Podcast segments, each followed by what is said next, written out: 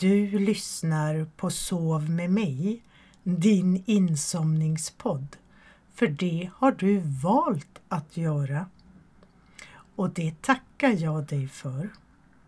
Och jag, det är Lisel Humla, din ciceron i insomnandet. Förhoppningsvis så tackar även du dig själv imorgon när du vaknar utvilad efter en god natts sömn.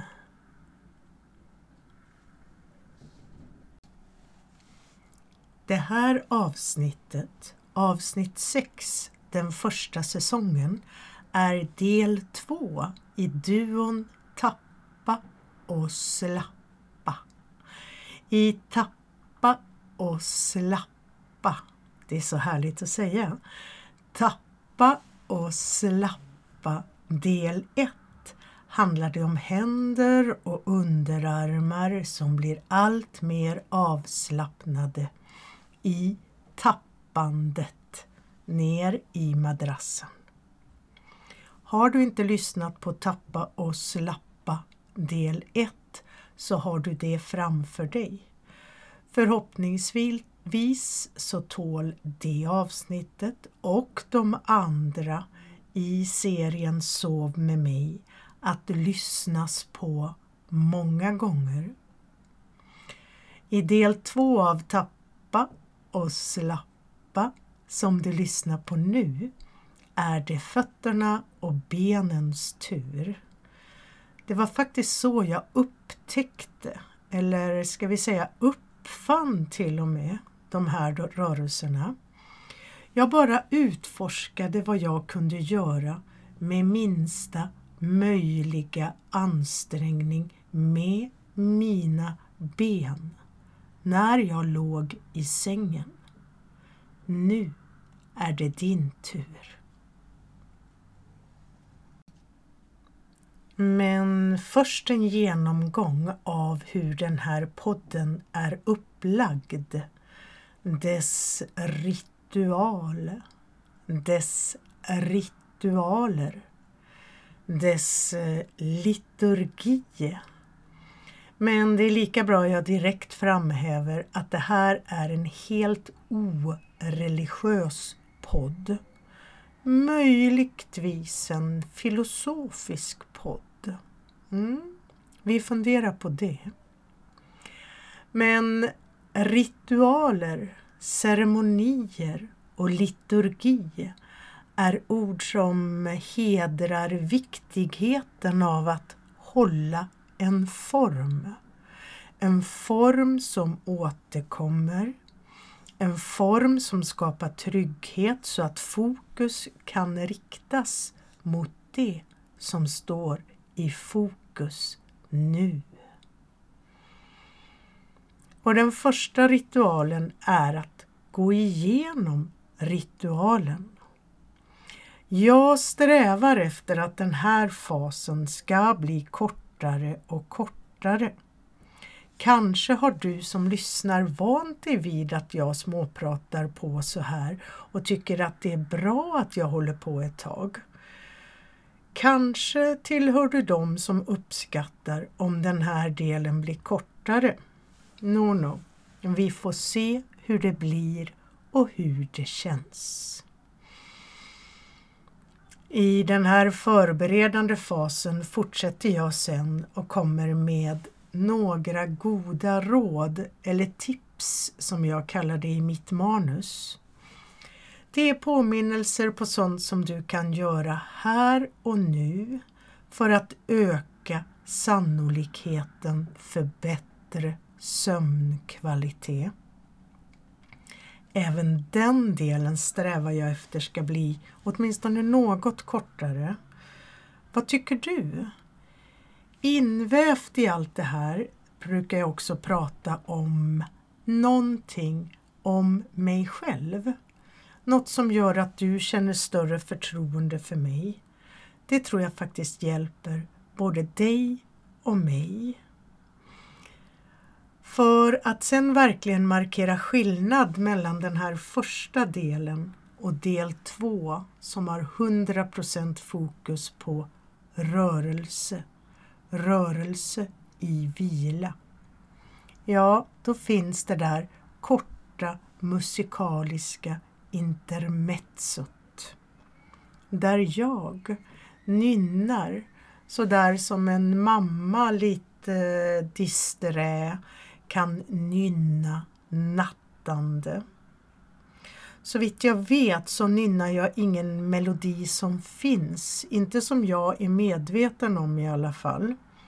Jag improviserar så gott jag kan i ögonblicket och letar efter optimala sätt att nynna så det gör dig gott. Mm, det handlar om det här om inandning som kan höras på ett sätt som förhoppningsvis inte stör. Mm, det kan vi också prata mer om i andra sammanhang. Om du inte har tänkt på sånt förut så kommer du kanske att lägga märke till det nu eftersom jag har pratat om det. Om du är vaken då förstås.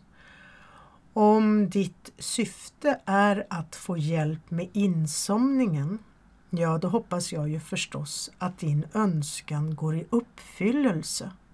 När som helst under mitt poddprat. Du behöver verkligen inte hålla dig vaken för min skull. Mm. Nu är vi framme i genomgången av ritualerna till del 2. Och där, där går jag över i att helt och hållet fokusera på en enkel rörelse som brukar växa vidare till en mängd olika varianter. Mm. Utdraget, detaljerat, upprepat beskriver jag rörelser du kan göra där du ligger som är utformade för att funka just i en säng. Och du får möjlighet med mina ord som stöd att hitta ditt eller dina sätt att utforska de här rörelserna. Och ja, det kan till exempel handla om att tappa och slappa. Du märker hur det funkar med rörelserna när det väl sätter igång. Om du är vaken då förstås. Själva rörelsedelen håller på ett bra tag. Så lång tid som behövs för att jag ska känna mig nöjd med att ha beskrivit rörelserna så att du med största möjliga sannolikhet ska kunna känna dig trygg i hur du ska förhålla dig till dem. Ja, rörelsen alltså. Hur podden sen slutar är vanligtvis så ointressant så det hoppas jag att du inte hör. Ibland kommer dock lite bonus i slutet. Det kan till exempel komma en dikt. Och om du inte skulle ha somnat efter den där långa rörelsedelen, ja då tycker jag att du ibland kan behöva något lite extra. Och då är dikter väldigt bra. De är ju rytmiska på sitt alldeles egna sätt. Och det är ju heller ingenting du behöver hålla dig vaken till för att höra slutet på. Och allra, allra sist så kommer några lugna harmoniska toner. Samma toner återkommer i varje avsnitt. På något vis så når de tonerna dig så att du på något plan vet att nu är det klart. För mig, Lisel Humla, är det här oerhört intressant. Att kunna få experimentera fram avspänningsrörelser som verkligen kommer till sin rätt i en säng. Det är stor skillnad ska du veta på de avspänningsrörelser jag är så hemtam i att både göra och instruera. Rörelser som görs på ett mer fast underlag, du vet yogamattor och sånt, fast inte, inte de allra tunnaste helst. Eh, men en madrass, det blir någonting helt annat. Och jag hoppas verkligen att du har en madrass som du kan känna dig hemma i. Att den madrassen ger dig bra vibrationer i de rörelser i vila som jag kommer på allt eftersom. Ett nytt och intressant forskningsfält avspänningsrörelser i sängen. Ja, och jag sprider gärna mina experiment vidare till dig, tillsammans med dig.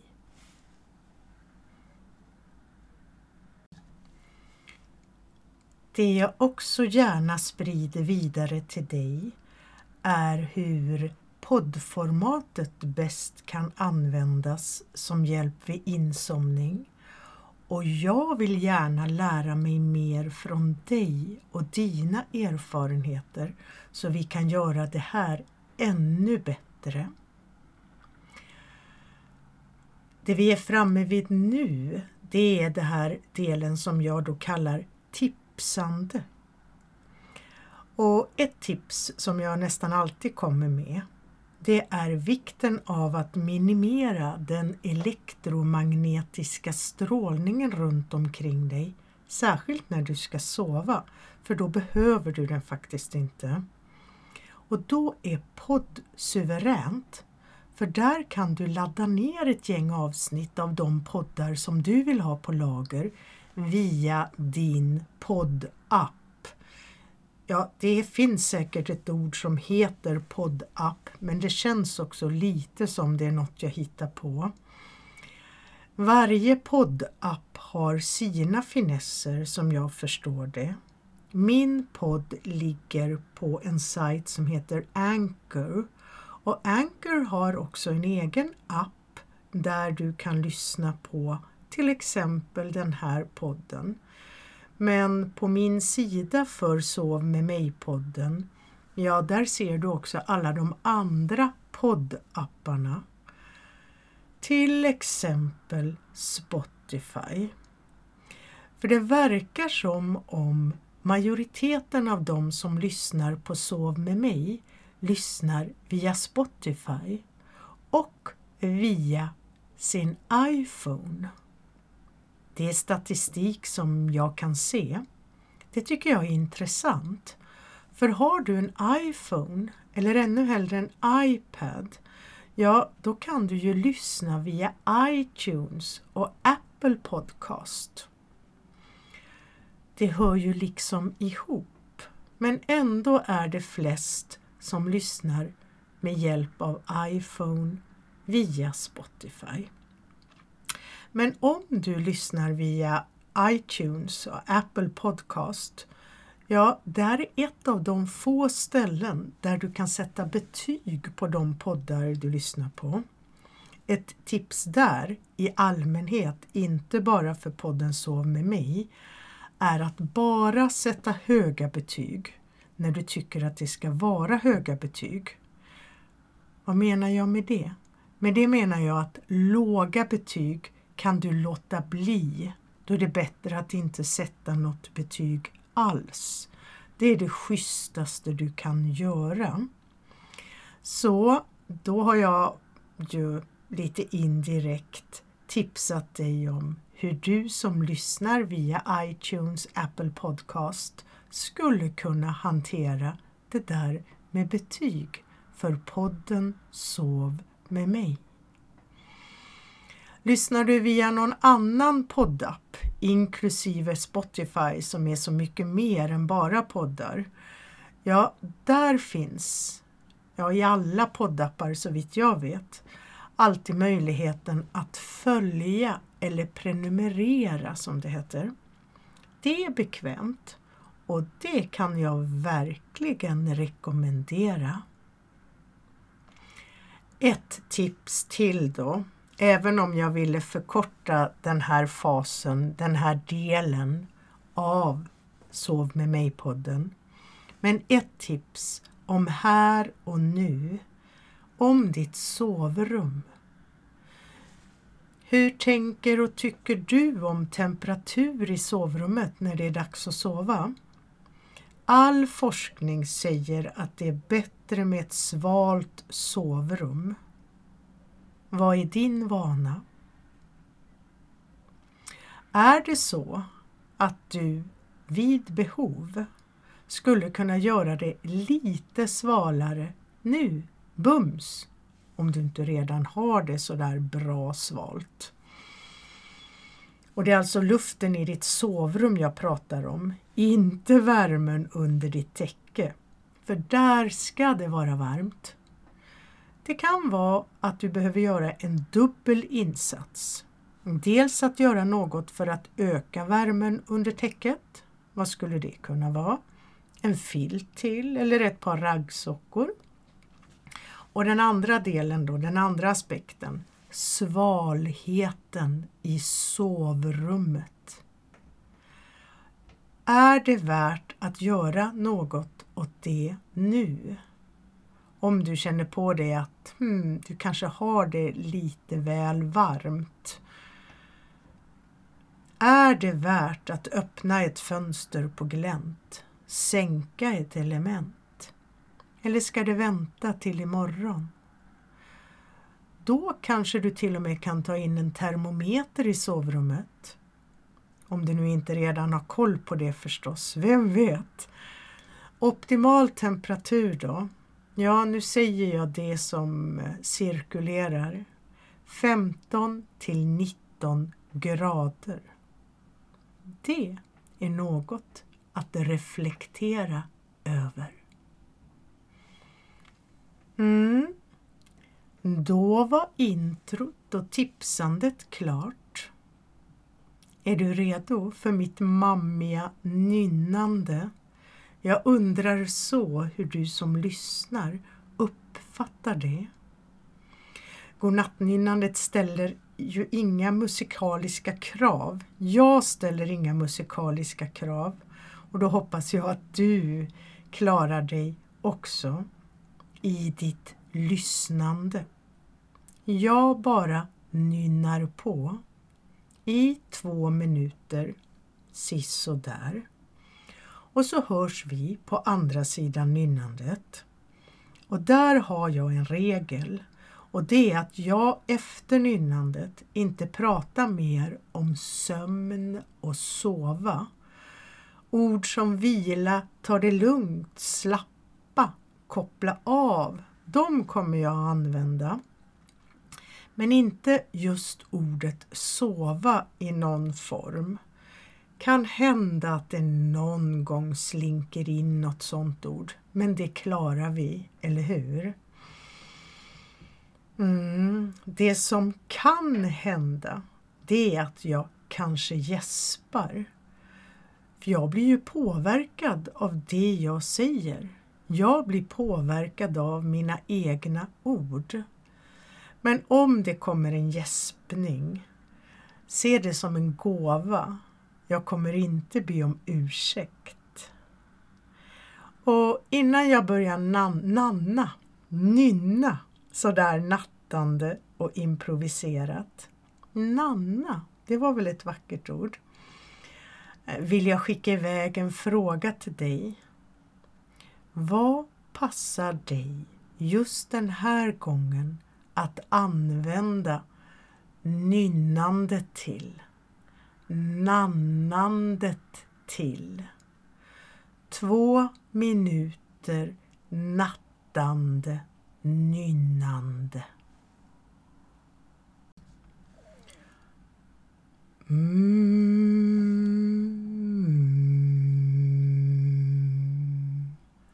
Mm.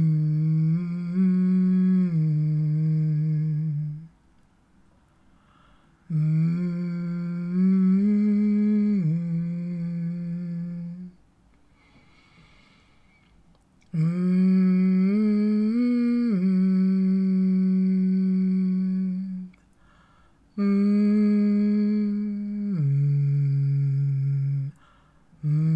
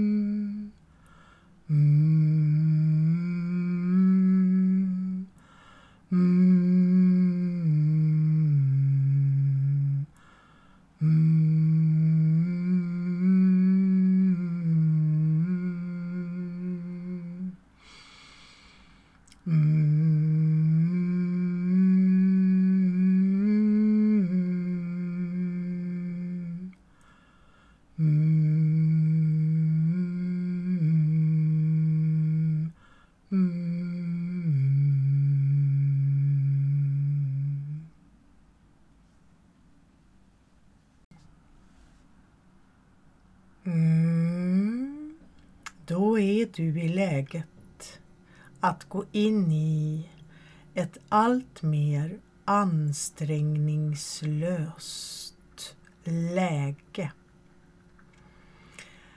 Det vi kallar rörelse i vila väntar dig. Rörelser med minsta möjliga ansträngning för största möjliga avspänning. Små utforskande men ändå specifika rörelser gör dig allt mer avspänd, hjälper dig att släppa på diverse onödigheter du bär på i din kropp, i dina muskler. Det är alltid bra att börja med en övergripande översyn. Kolla läget sådär förutsättningslöst utan att värdera, bara lägga märke till. Hur ligger du just nu? Vad lägger du märke till? I dig själv? I kroppen? I känslorna? Allt sammanvävt.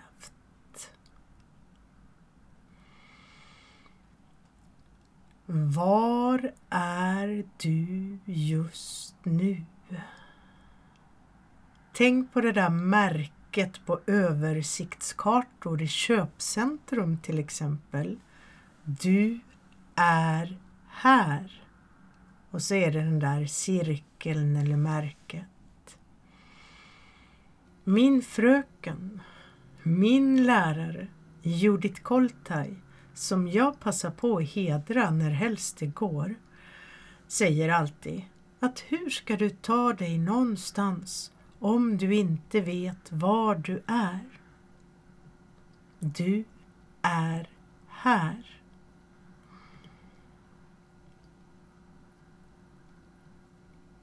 Mm. De instruktioner som jag ger här, ja, de kommer ju att utgå ifrån benen, fötterna, men naturligtvis påverkas hela du. Särskilt viktigt kommer det vara att ha uppmärksamhet på ryggen när du gör rörelser med benen. När du letar efter olika sätt att tappa och slappa med hjälp av fötterna, benens rörelse. Ja, då kommer det i vissa positioner att kunna belasta ryggen. Och det är ju onödigt. Så du kommer att utveckla din förmåga att lyhört lyssna på din kropp och anpassa rörelserna för att minimera ny anspänning. Nu är det avspänning, rörelse i vila som gäller. Tappa och slappa. Ja, det här är ju del två av tappa och slappa. Det finns fördelar med att ta till sig del 1 innan del 2. Det är ju självklart. Del 1 utgår från handen, händerna, underarmarna eller underarmen i det här att tappa och slappa. För att jag anser att det var ett lättare sätt, en lättare väg att ta till sig principen i det här sättet att röra sig i vila. Del 2 som du lyssnar på nu utgår från foten, fötterna, benet, benen. Naturligtvis kan du ta del 2 före del 1 om det nu faller sig så. Och om du lyssnar på del 1 och del 2 fler gånger, ja då har ju turordningen ingen betydelse. Tappa och slappa. En bra titel, tycker jag i alla fall. Det rimmar. Men den handlingen, tappa och slappa, förutsätter ju faktiskt ett verb till.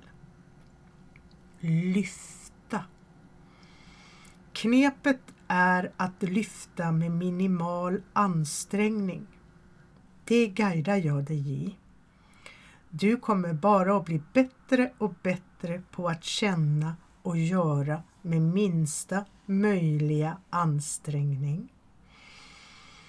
Det som händer eller kommer att hända när du lyfter vad du nu än lyfter, fot, knä, häl, med minsta möjliga ansträngning för att sedan tappa tillbaka ner i madrassen, är att lätta små vibrationer, eh, vaggningar sprider sig så att dina muskler och allt övrigt i dig kan slappna av, slappa. Ibland är lyftet inte ens ett lyft utan mer en positionsändring. Från rakt ben till böjt ben till exempel. Du kommer att märka, du kommer att förstå. Mm. Alla har vi vårt sätt att lägga oss till rätta i sängen. Våra sätt. För kanske har du variationer. Ja, sannolikt har du variationer. Och det oavsett vad som hävdas vara bra och nyttiga insomningspositioner. Jag tror att du ska lyssna till vad din kropp säger till dig. Lägg dig så här men sen kan du också koppla på ditt förnuft. Hmm, jag kanske ligger så här av gammal vana. Kanske är det här inte det optimalaste sättet för mig att ligga för att ligga bekvämt vid insomnandet. Jag kanske ska prova att ligga så här istället. Mm, det kanske kan vara något. Och nu när vi ska börja så kommer jag ju att föreslå en speciell position. Du får se hur det påverkar dig och hur du vill förhålla dig till det.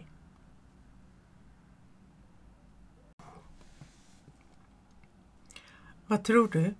Skulle du kunna tänka dig att ligga på rygg en stund det blir lättare att ta till sig inledningsinstruktionerna då. Lättare att förstå principerna med rörelsen. Vilken gång i ordningen det än är du lyssnar på det här. Det är många varianter nog, även när du ligger på rygg, men grunden är densamma som du sen kan ta med dig när eller om du vill lägga dig på sidan eller i eh, framstupa sidoläge.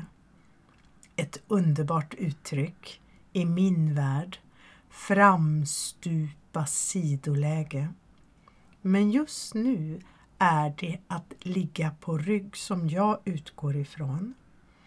Jag börjar att instruera som om du ligger på rygg.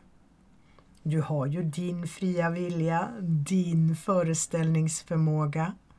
Och bara så att det är sagt, det räcker faktiskt att bara lyssna på instruktionerna. Mm -hmm. Men jag fortsätter alltså utifrån att du ligger på rygg. Om du gör det kan du ju ha benen böjda eller raka i lite olika kombinationer. Det kanske är bra med lite action för att gå in i den djupare rörelse i vila-känslan. Om du först leker leken, kolla benens olika kombinationer av rakt, böjt, rakt, rakt, böjt, rakt. Ja, du förstår. Det är upp till dig. Varsågod. Mm. Du kanske fortsätter med den där benleken ett tag. Det jag börjar med när det sen är dags för dig att hänga på är ett väldigt litet tappa och slappa. Men det har faktiskt en stor effekt, större än vad man först kan tro. Kanske har du redan landat i att för åtminstone en stund vila med raka ben. Den där benleken kan göra det lättare att sedan ligga med utsträckta ben. Madrassen hjälper en att lättare klara av att ligga med ben som tågspår. Som är min lite nästan elaka metafor. För inte ens på en följsam madrass brukar det upplevas som bekvämt en längre stund att vila med parallella ben och parallella fötter. Som ett tågspår där tåget inte ska spåra ut. Mm -hmm. Det är värt att hitta ett sätt, ett okej okay sätt att för en stund ligga så. Första rörelsen i det utgångsläget är sedan att vinkla fötterna. Det är lika bra att ta båda samtidigt, så som det är möjligt för dig förstås. Vinkla fötterna så att tårnas tippar är i riktning mot taket. Hälarna behåller sin riktning ner i madrassen. Det händer något skönt i vaderna då hoppas jag. Märker du det? Bara gör den där vinklingen och låt sen bli. Men du behåller förhoppningsvis dina parallella tågspår. Visst händer det något välgörande, för du kan ju upprepa det här eh, och se vad som händer i den där vinklingen. 90 graders vinkel om det är ett begrepp som gör det tydligare för dig. Mellan foten och benet. Och sen bara låta bli. Mm -hmm. Vänta, vila, upprepa i egen takt. Ja, du kan ju göra med en fot i taget också. Märker du vad som händer när du gör det där släppet från vinklingen? Att gå från en säker, kontrollerad anspänningen när du vinklar foten så att tårna tittar upp mot taket, hälen ner i madrassen. Det är nästan som en stretch av vaderna, eller hur? Och sen bara låta bli. Släppa tillbaka av sig självt. Du bara låter bli att hålla den där vinklade fotpositionen. Där har du principen. Och märker du att även minsta lilla rörelse har effekt. När du släpper så kommer det en sån där liten, liten vibration med hjälp av madrassen när fötterna återgår till sitt viloläge. Du kan ju testa en fot i taget och kanske är det bäst för dig att jobba med ett ben i taget. Men det här lilla, där får du kanske störst effekt av att göra båda fötterna samtidigt. Men lyssnar du många gånger på det här avsnittet så kan du börja finlira och fördjupa dig i detaljer som du upptäcker allt eftersom. Känns det bra i dig att ligga kvar på rygg så kan du fortsätta utforska den här enkla principen.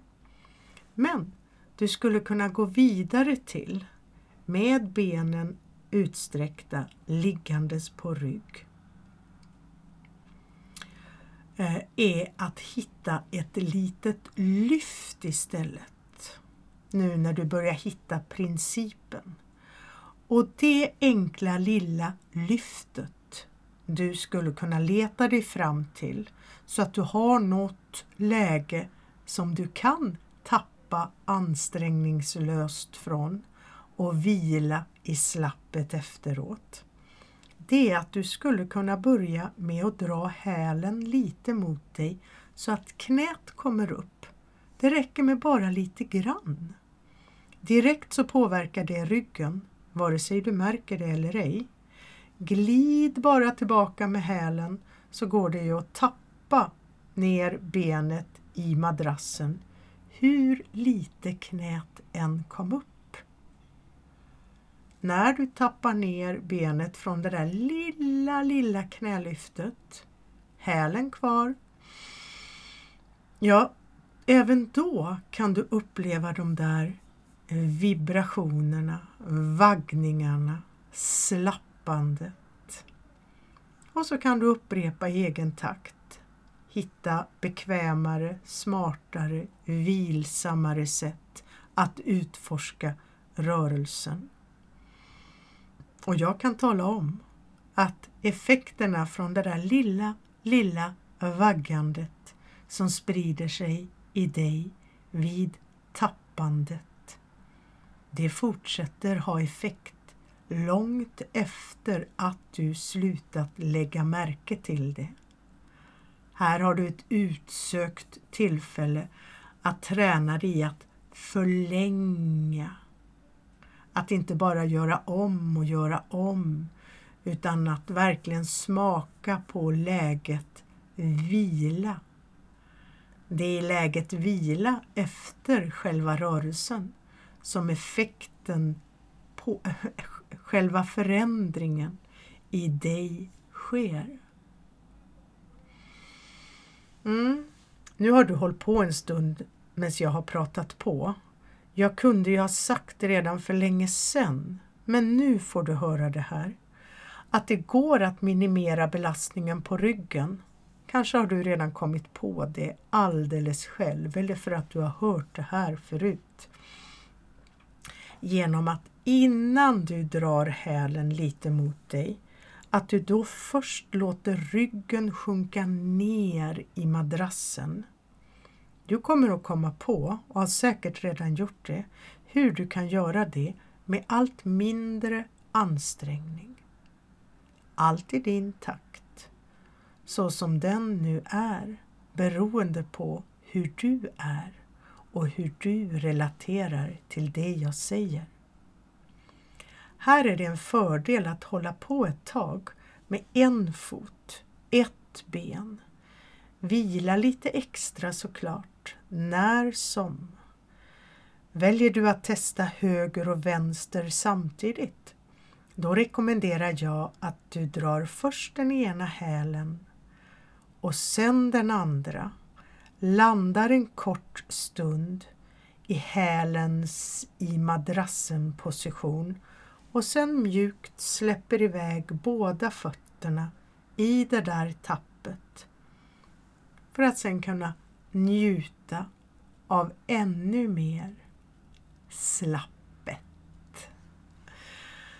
Du som känner mig i avspänningssammanhang sedan tidigare kanske sedan antigympatiden i början på 90-talet till och med, märker kanske just den här rörelsens släktskap med Birgitta Rudbergs klassiker Benglidningen från hennes fantastiska bok Aktiv avspänning. Fast här är rörelsen mindre och mer madrassanpassad.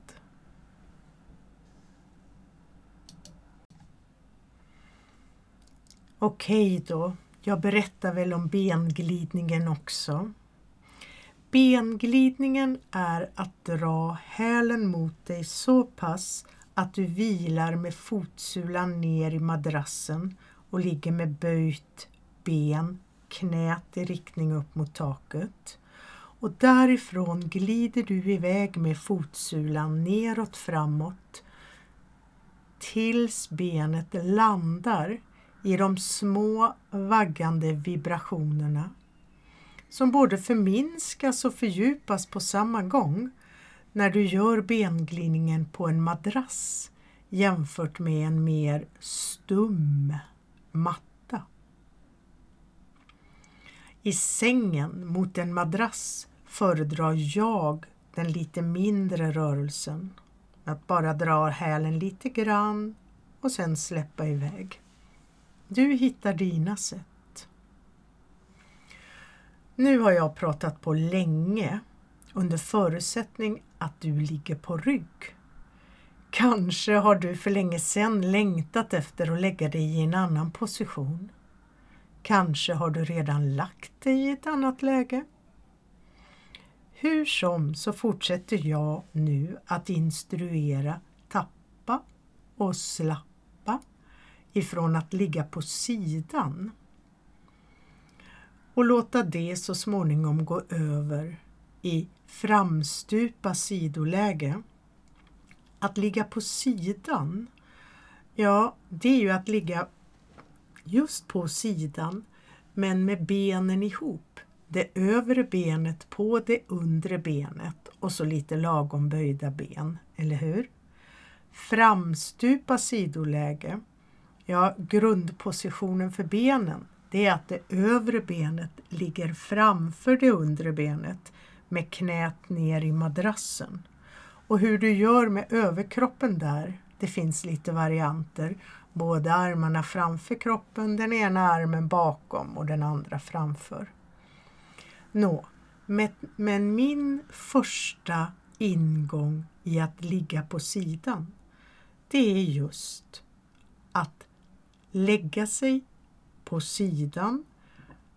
Och det var inte bara sådär just, för då behöver ju du fatta ett beslut. Ska jag lägga mig på min favoritsida eller ska jag lägga mig på den mer obekväma sidan? Om det nu är så för dig. Min erfarenhet är att det är så för de flesta, men jag kan ju inte veta exakt hur det är för dig. Det jag vet är att det alltid är extra intressant och jobba med den sidan som känns aningen mer obekväm. Ditt beslut.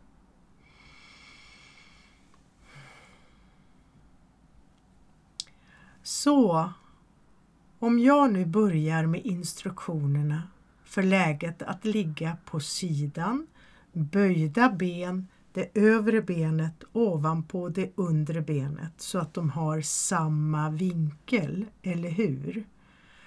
Kanske är det ett favoritläge för dig. Kanske är det någonting som du väljer att följa med i nu för att kunna göra den här rörelsen. Hmm. Det här tappa och slappa som du kan göra i just läget ligga på sidan med benen ihop böjda, insida ben mot insida ben. Ja, jag tycker faktiskt att det är kronan på verket i den här rörelsesekvensen. Det är det här tappet och slappet som ger störst effekt i din kropp nästan märkligt mycket. Har du lyssnat förut har du kanske redan satt igång. Så om du då ligger på sidan med böjda ben ihop så har du ju även insidan av fötterna ihop också. Det är där rörelsen börjar. Det är inte mycket tyngd där som behövs för att du utan att belasta något i onödan i resten av kroppen ska kunna vända upp det översta benet.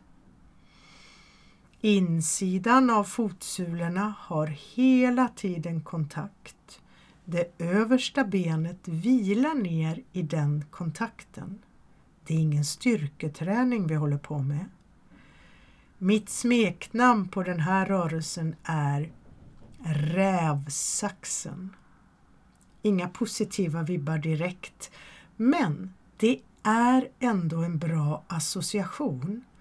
För när du tappar ner det övre benet på det undre så blir det ett väldigt vänligt möte ben mot ben som skapar stora vaggande vibrationer. Även om det påminner om hur en rävsax slår ihop. De vaggande vibrationer som skapas i det här tappet är de största hittills i den kedja av rörelser som jag har föreslagit. Teoretiskt så kan det hända att det inte fungerar optimalt med väldigt taniga ben eller beniga ben kanske jag hellre ska säga. Jag ber om ursäkt för ordet taniga. Men finns det muskler och mer eller mindre hull är det här en guldrörelse. Kom ihåg var du upplevde den först och kom ihåg vem som instruerade dig. Jag tror att det här kommer att bli ett av mina bidrag till eftervärlden. Heter det så? Hitta på rörelser, filosofiska rörelser. Det är min grej det. Rörelse i vila. Mm -hmm. Nu kanske du hållit på en stund med rävsaxen. Jag vill, när du ändå ligger i det här läget på den sida som du eventuellt sannolikt ligger kvar i, för jag har ju inte gett dig några andra instruktioner, så vill jag ändå visa på det där mer framstupa läget som du också kan göra rörelser i. Annorlunda rörelser. Inte alls lika mycket vibrationer men ändå välgörande. Då ska vi se vad som händer. För att du då ska kunna göra ett annat lyft med det övre benet, ja då behöver du glida fram med foten på det övre benet så att det ligger lite framför det undre. Det är då vi närmar oss någon variant av framstupa sidoläge. Då får ju det övre benets fot och större delen av det övre benet kontakt med madrassen. Det är då du skulle kunna göra ett litet lyft. Du skulle kunna behålla stortån kvar i madrassen och sen lätt och lite lyfta upp resten av foten via hälen. Ha kvar, fot, eller ha kvar stortåns kontakt och sen bara tappa en pytteliten rörelse. Men visst blir det pyttelite slappa där också. Inte i närheten av rävsaxen, men när du ändå ligger på den här sidan, varför inte?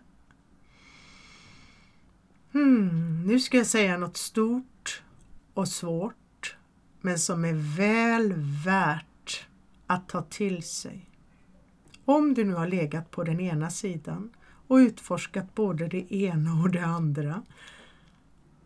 Ja, det är ju väl värt att lägga sig på den andra sidan, men nu kommer det stora, det svåra, det som gör att det händer något. Det är att du tar ett mellanrum och ligger på ryggen stund och gör ingenting. Den där vilan i mittenläget som jag verkligen uppmuntrar till, den kan vara kortare eller längre. Och du behöver inte utforska den andra sidan, men möjligheten finns ju. Kanske är du redan där.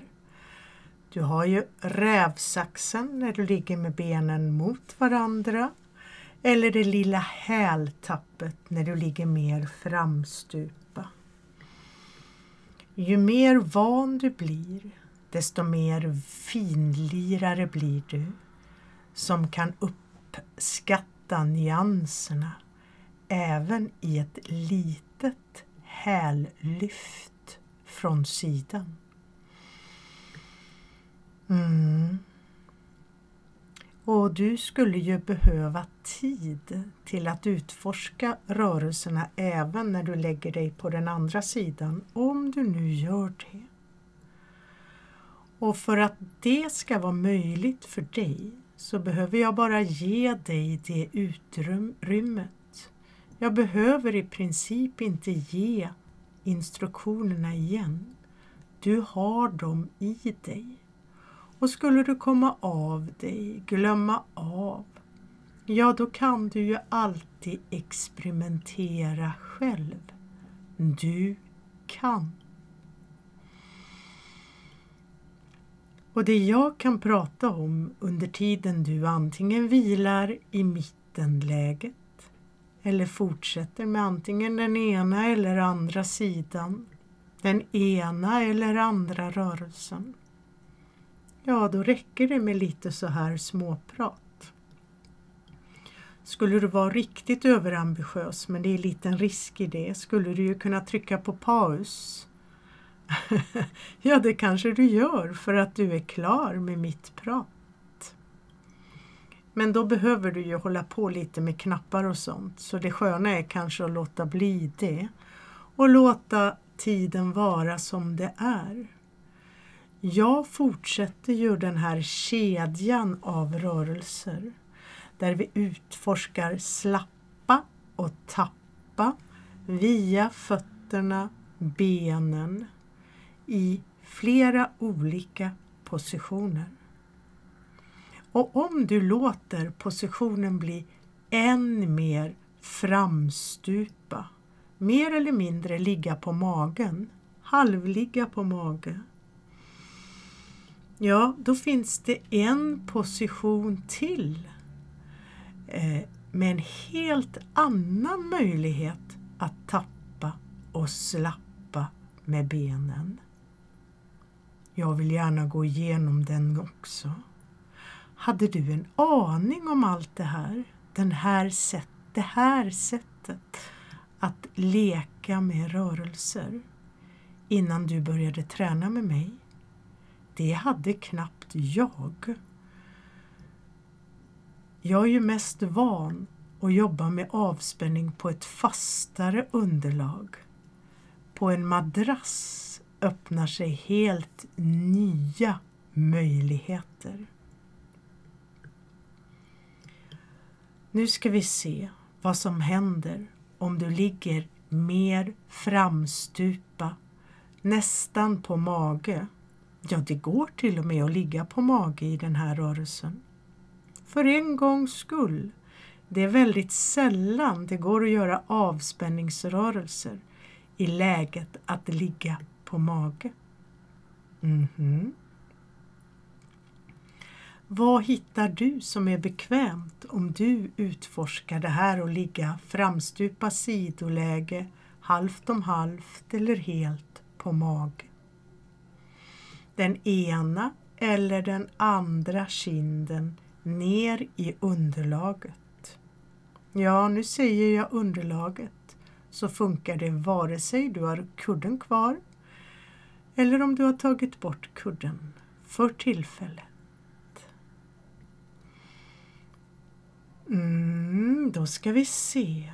När du ligger i det här framstupa meråt ligga på magen hållet, ja, då skulle ju du med lätthet kunna lyfta upp antingen höger eller vänster, du bestämmer, underben. Och sen bara tappa ner det i madrassen och låta slappet ske. Vibrationer, vaggningar och sen med lätthet lyfta upp. Troligtvis har du vant dig vid att hålla på en stund med en och samma ben. Men du har tillåtelse att variera dig mellan höger och vänster på det sätt som funkar för dig. Vibrationer och vaggningar varje gång benet, underbenet, trillar ner i madrassen. Men egentligen är inte vare sig vibrationer eller vaggningar exakt rätt ord. Jag har inga bättre ord just nu. Slappet är ju ett sammanfattande smeknamn på det som händer när underbenet trillar ner i underlaget. Och som sagt, du kan växla mellan höger och vänster underben efter eget behag. Bara det ger dig en lojhet. Sådär lite behagligt, vilsamt. Jag har nästan gett dig för många valmöjligheter genom den här kedjan av rörelser. Och egentligen är det bara en och samma rörelse ändå. Tappa och slappa med benet. Även om det ibland bara är hälen. Eller hela underbenet eller hela benet. Men vi kan ju inte säga annat än att vi har varit noggranna. Kanske kommer varje moment här så småningom att få sitt eget avsnitt. Vem vet? Där vi djupdyker i de sensationer som kan uppstå i varje variant av det här tappandet och slappandet av benen. De detaljer som kan framträda. Vem vet, kanske har du ägnat tid åt att göra helt annan rörelse, helt andra rörelser eller helt annan vila helt annan rörelse i vila. Eller så kommer det nu. Om du märker att det pockar på så kanske du vill upp upprepa något moment utav det vi har gått igenom i det här passet. Eller något vi gjort tidigare i ett annat pass. Eller något du kommer på. Eller plockar fram i dig. Jag hoppas att det här undersökande sättet att genom rörelse befria kroppen från muskelspänningar som inte längre behövs får inspiration att experimentera vidare. Du kommer att känna dig allt mer hemma i det, tryggare, friare. Det räcker ju faktiskt också att bara, och det är inte så bara, lyssna på mina förslag, mina instruktioner, utan att ens göra. Din kropp, din varelse hör mina instruktioner även om du inte utför rörelserna fysiskt. Du är ju din kropp. Så även om du inte utför rörelserna av vilket skäl det nu månde vara, så påverkas du ändå. Och du kan lyssna på de här instruktionerna många gånger och varje gång så kommer du att välja att förhålla dig till det jag säger på sätt som är det mest lämpliga för dig just då.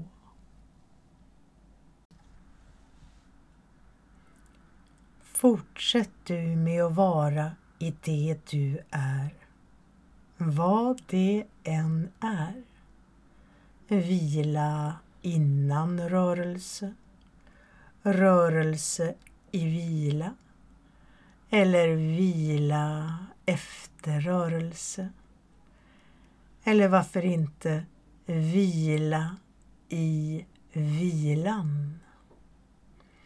Snart kommer de där lugna avslutande tonerna som är i slutet av varje avsnitt.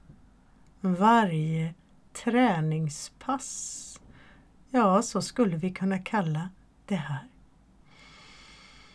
Tonerna som avslutar hjälper dig medvetet eller omedvetet att fortsätta med det du då behöver. Kanske är du redan i det läge du vill vara. Hmm. Kanske vill du någonting mer, behöver någonting mer.